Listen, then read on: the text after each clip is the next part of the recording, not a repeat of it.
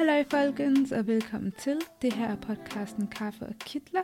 Det er en podcast, der giver gode råd til og har emner omkring, hvordan man kommer bedst muligt gennem medicinstudiet. Jeg er din vært Janice, medicinstuderende på Københavns Universitet, og jeg er cirka halvvejs gennem studiet. Det her er den 9. episode, som der hedder 11 tips til eksamensforberedelsen.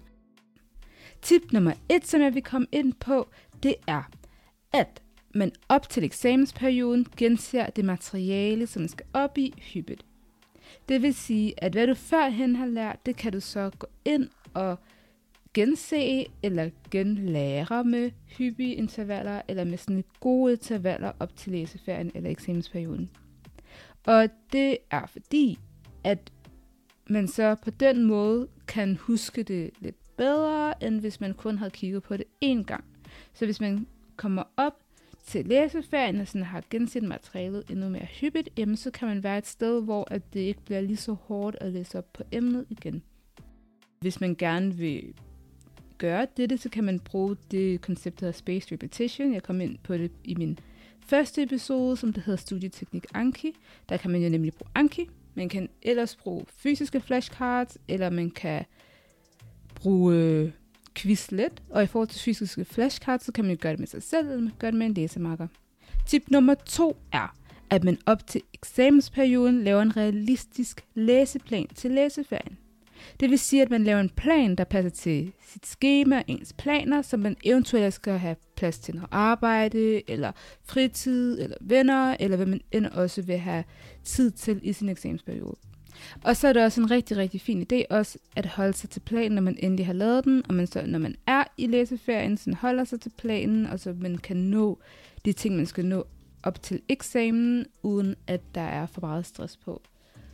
Og så er det også en rigtig, rigtig fin idé også at begynde eksamenslæsningen i så god tid som muligt. Tip nummer 3, det er at finde ud af, hvor og hvordan du læser bedst.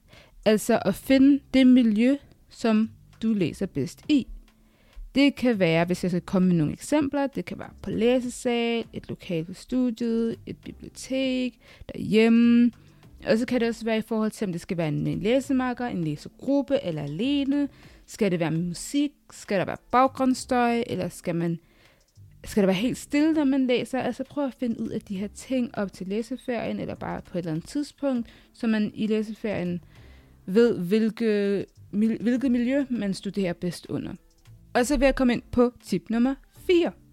Det er, at man i hvert fald under eksamensperioden bruger den eller de studieteknikker og metoder, som der passer bedst til en mens man forbereder sig til eksamen. Hvad kunne det så være?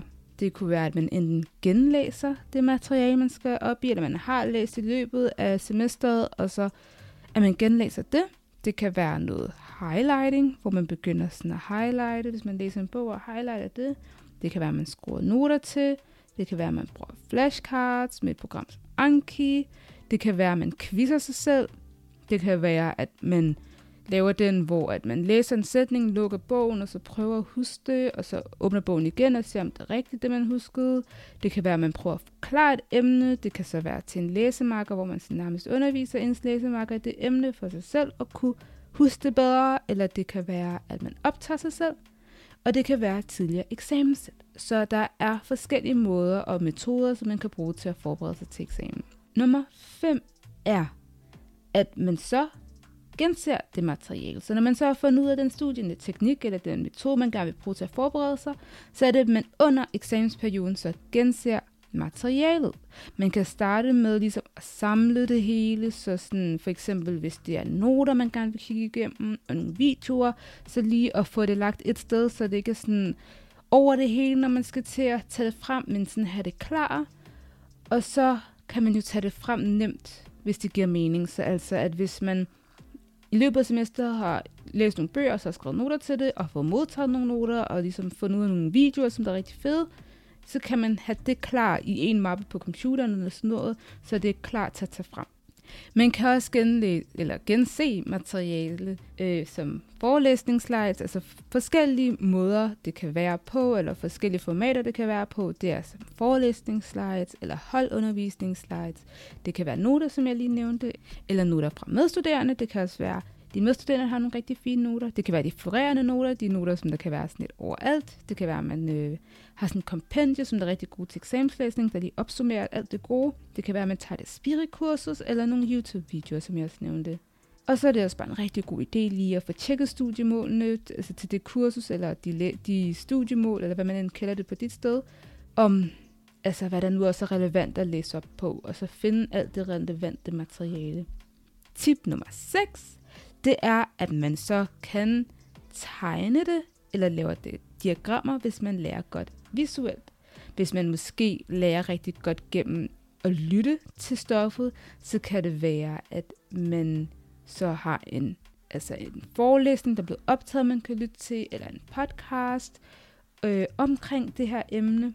Altså at tilpasse, øh, tilpasse hvordan, hvordan kan man sige det, altså man tilpasser øh, læsning også til den måde, som man bedst lærer på, hvis det giver mening. Så hvis man bedst lærer visuelt, så prøver man at tegne og lave diagrammer, og på den måde gør det nemmere for en selv. Hvis man bedst lærer ved at lytte, så er det så, man lytter en hel masse til det stof, som man skal op til.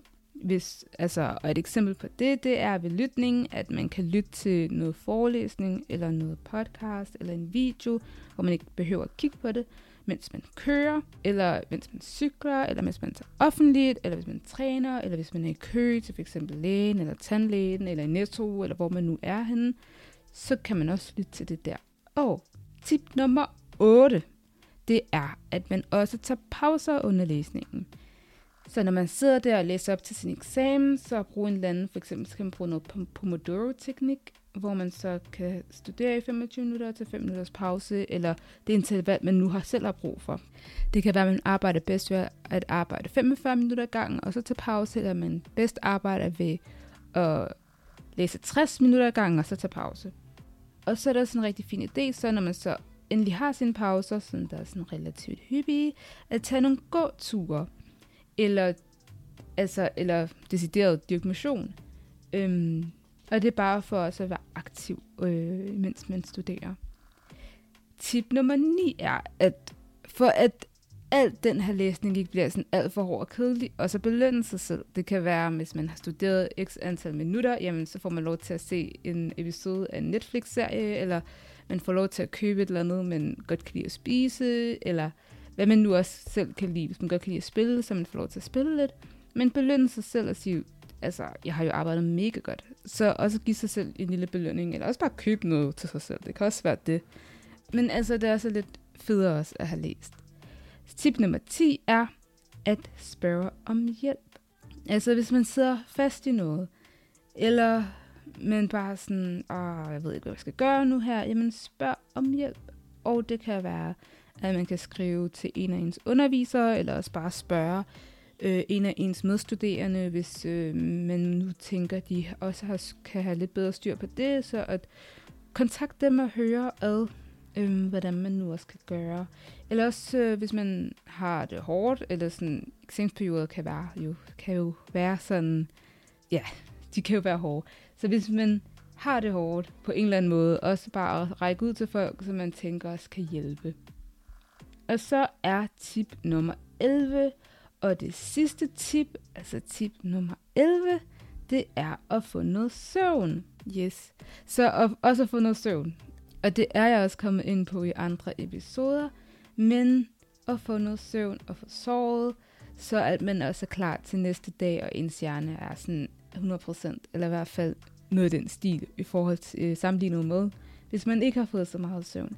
Så få såret, få såret, få såret, og øhm, ikke for mange døgnere, men få såret og være klar til at studere videre næste dag. Og det var det for denne episode. En lidt kortere episode end de andre. Jeg vil takke dig for at have kommet så langt og have fulgt den her episode hele vejen til ende. Tak fordi du lyttede med, og vi ses til næste episode.